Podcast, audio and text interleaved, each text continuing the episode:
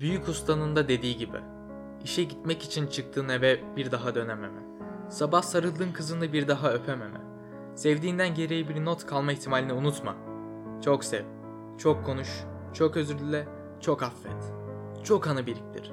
Çok sarıl sevdiklerine. Hayat bir şeyleri ertelemek için uzun değil. Bu sözleriyle Rasim Öztekin'i rahmetle anıyoruz. Evet. Biraz hüzünlü bir giriş yaptık. Evet. Ama tekrardan eski enerjimize dönelim. Bugün ertelemek hakkında konuşacağız. Erteleme hastalığı hakkında konuşacağız ve tartışacağız. Ee, istiyorsan ben direkt sana bir soru yönet yönelteyim. Tabii. Erteleme hastalığı nedir? Erteleme hastalığı İngilizce tabiriyle yani tıptaki tabiriyle procrastination. Tam olarak doğru telaffuz ettiğimi bilmiyorum. Ama yapış, yapılması gereken bir işin yapılmaktan kaçınması ya da sürekli olarak ötelenmesi ve bu işin başına oturmadan önce son bir kez başka bir iş yapma. Hani masaya ot- oturmadan önce masayı bir toparlarız, önce bir temizleyeyim falan deriz ya. Evet. Bu şekilde yapılacak işten kaçınma olayı. Ya bence de sana katılıyorum. Benim için de tabiri bu olabilir. Ertelemek hepimizin sorunu olan bir şey. Her insanda illa görülmüştür bu erteleme hastalığı. Kesinlikle. Bugün erteleme hastalığı nedir? Neden erteleriz? Bu hastalıktan başa çıkmak için neler yapabiliriz? Gibi konuları konuşacağız. Hemen başlayalım. Ertelemenin ne olduğunu zaten söyledik. Peki neden erteleriz? Neden erteleriz? Bunun aslında birkaç tane sebebi var. Ya bence yani çok sevmediğimiz bir iş olabilir. Yani başında durmak istemediğimiz bir iş olabilir. Sıkıcı Kesinlikle. gelen bir iş olabilir. Sonra baş... Çok mükemmeliyetçi olabiliriz. Evet aynı şekilde ben de onu söyleyecektim. Yani mükemmelliyetçilik aslında iyinin düşmanıdır diye bir söz vardır. Ben katılıyorum kesinlikle. Ben de katılıyorum. Ee, tam mükemmele odaklanmayarak her işte bir kusur olduğunu bilerek hareket etmeliyiz ki bu işi tamam tam zamanında yapalım. Aslında bunun biraz da zaman yönetimiyle de alakası var. Kesinlikle. Zaman yönetimiyle ilgili şunu söyleyebilirim. Zaman yönetimini öğrendiğim zaman benim hayatımda çok büyük değişiklikler oldu. Çünkü e, plan yapmayı ve gerçekten zamanımı yönetmeyi bilmediğimi fark ettim. O yüzden zaman yönetimi e, kursu YouTube'dan veya Udemy'den bu gibi platformlardan kesinlikle zaman yönetimi kursu alın. Çünkü sizin için çok faydası olacaktır. Bir başka konumuz fili yemek. Ya fili yemeği aslında ben açıklayayım istiyorsan. Tabii ki. Çok büyük olan bir parçayı Ya da bir parça- proje. Ya çok büyük olan bir projeyi parçalara böyle küçük küçük parçalara ayırarak mesela benim e, şu anda örnek verebileceğim bir konu var.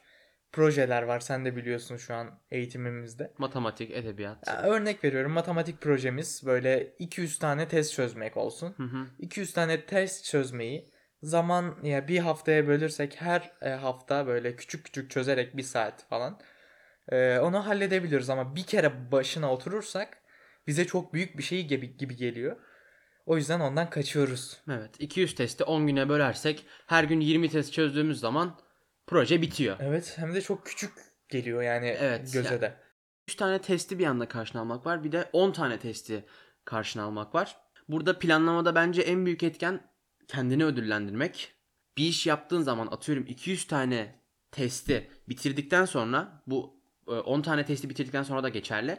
200 tanesini bitirdikten sonra büyük bir ödül ve her gün 10 tane testi çözdükten sonra da küçük bir ödül sizin bu işi yapmanızdaki devamlılığınızdaki ertelemenizi önüne geçecek e, şeylerden bir tanesi.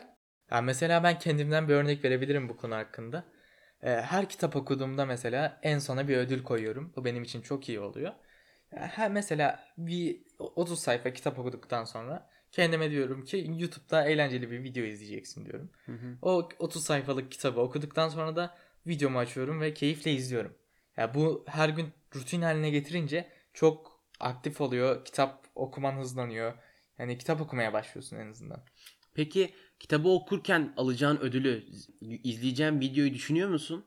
Ya o ilk başlarda tabii ki oluyor ama bu bir rutine binince o olay biraz azalıyor. Ya aslında sen bunu alışkanlığa e, dönüştürmüşsün. Kitap okuduktan sonra video izleme. Aynen o şekilde. Bu şekilde kendinize ödüller vererek e, bu işi daha kolay bir şekilde halledebilirsiniz. Ve aslında. devamlılığınızı güçlendirebilirsiniz. Aslında ben bu zamanın önemini ertelerken fark etmiştim.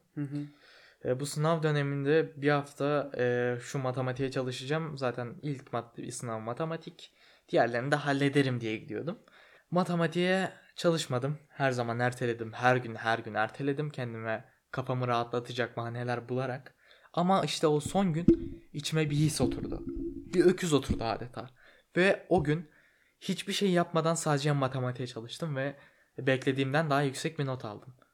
Aslında bunun biraz da iyi bir yanı olabilir. Ben o gün öğrenmiştim bu ertelemenin ne kadar kötü bir illet olduğunu. Aslında ertelemeyi biraz daha doğru tanımlayacak olursak şöyle bir şey diyebiliriz. Ertelemek aslında bizi o rahatsız eden duygu vardır ya. Çünkü yapmadığımız bir işi yapacağız ve bir duyguya giriyoruz ister istemez kötü bir duygu.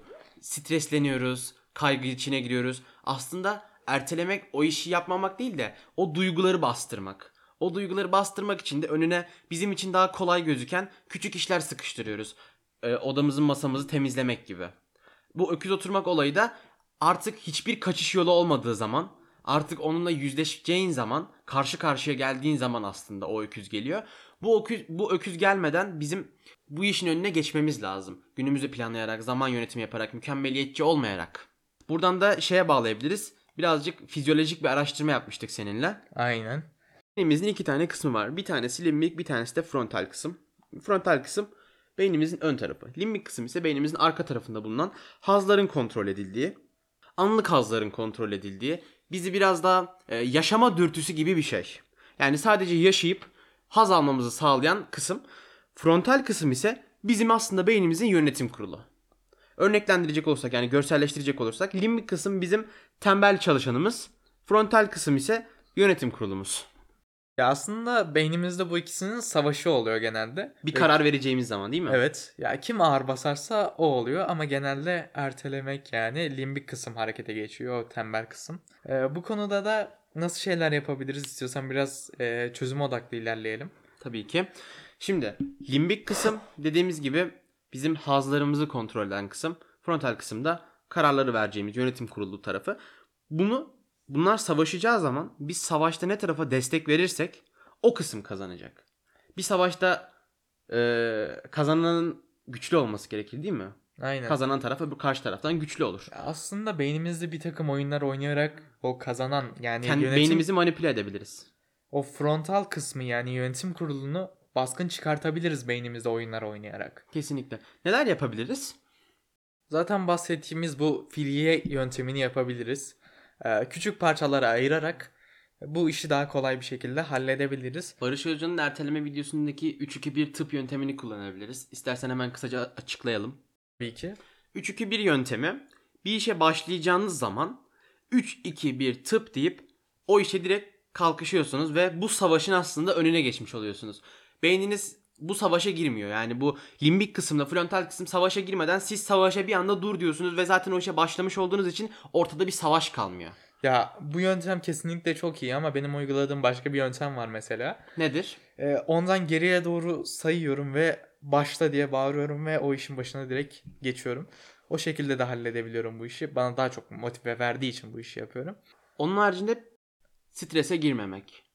Yapacağımız proje veya iş ne kadar büyük olursa olsun bunu parçalara ayırarak senin de az önce bahsettiğin filiye yöntemini kullanarak bunu parçalara ayırarak gözümüzde küçültme yapabiliriz. Bu işe gerçekten ertelemeden bir plan çıkartıp atıyorum siz öğretmeninizle konuştunuz, projeyi aldınız. Projeyi aldıktan sonra akşam kendinize hemen bir program çıkartıp bu işi ertelememeniz için kendinizi koşullandırabilirsiniz. Ama kendinizi kesinlikle ödüllendirmeyi unutmayın. Tekrardan söylüyorum zaman yönetimi kursu alın, planlayın ve kendinizi planlarda ödüllendirin. Ve başka bir şey değinmek istiyorum şimdi de. Mesela bir işe başlamadan önce son bir Instagram'a gireyim, Facebook'a gireyim de bakayım. Zaten ondan sonra giremeyeceğim diyorsun. Ve o girdiğin sırada o bu neymiş bu neymiş diye diye bir bakıyorsun bir saat geçmiş. Evet. Bir önceki bölümümüzde teknoloji bağımlılığını konuşmuştuk. Eğer dinlemediyseniz bir önceki bölümümüze gidip onu da dinleyebilirsiniz. Evet bu konu hakkında da biraz konuşuyoruz. Yani o bir saat geçiriyoruz orada falan vesaire. Bence bir e, planlı bir programa başlamadan önce, bir işe başlamadan önce Hı hı.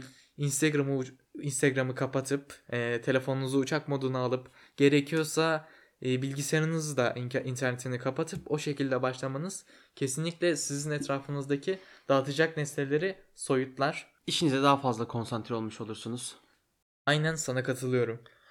Şimdi bölümümüzü yavaş yavaş sonlandıralım. Bugün ertelemekten bahsettik. Neden ertelediğimizi konuştuk. Kendimizden örnekler verdik. Erteleme ile nasıl başa çıkacağımızı konuştuk. Frontal ve lirik gibi fizyolojik konulara değindik. Bana göre çok verimli bir bölüm oldu. Benim için de. Umarım sizin için de güzel bir bölüm olmuştur. Keyif almışsınızdır. Görüş ve önerileriniz için bize mail adresimizden veya Instagram'dan ulaşabilirsiniz. Instagram'da da güzel içerikler paylaşıyoruz bahsettiğimiz konularla ilgili. Evet Instagram'dan takip etmeyi unutmayın. Kendinize iyi bakın. Görüşmek üzere. Hoşçakalın.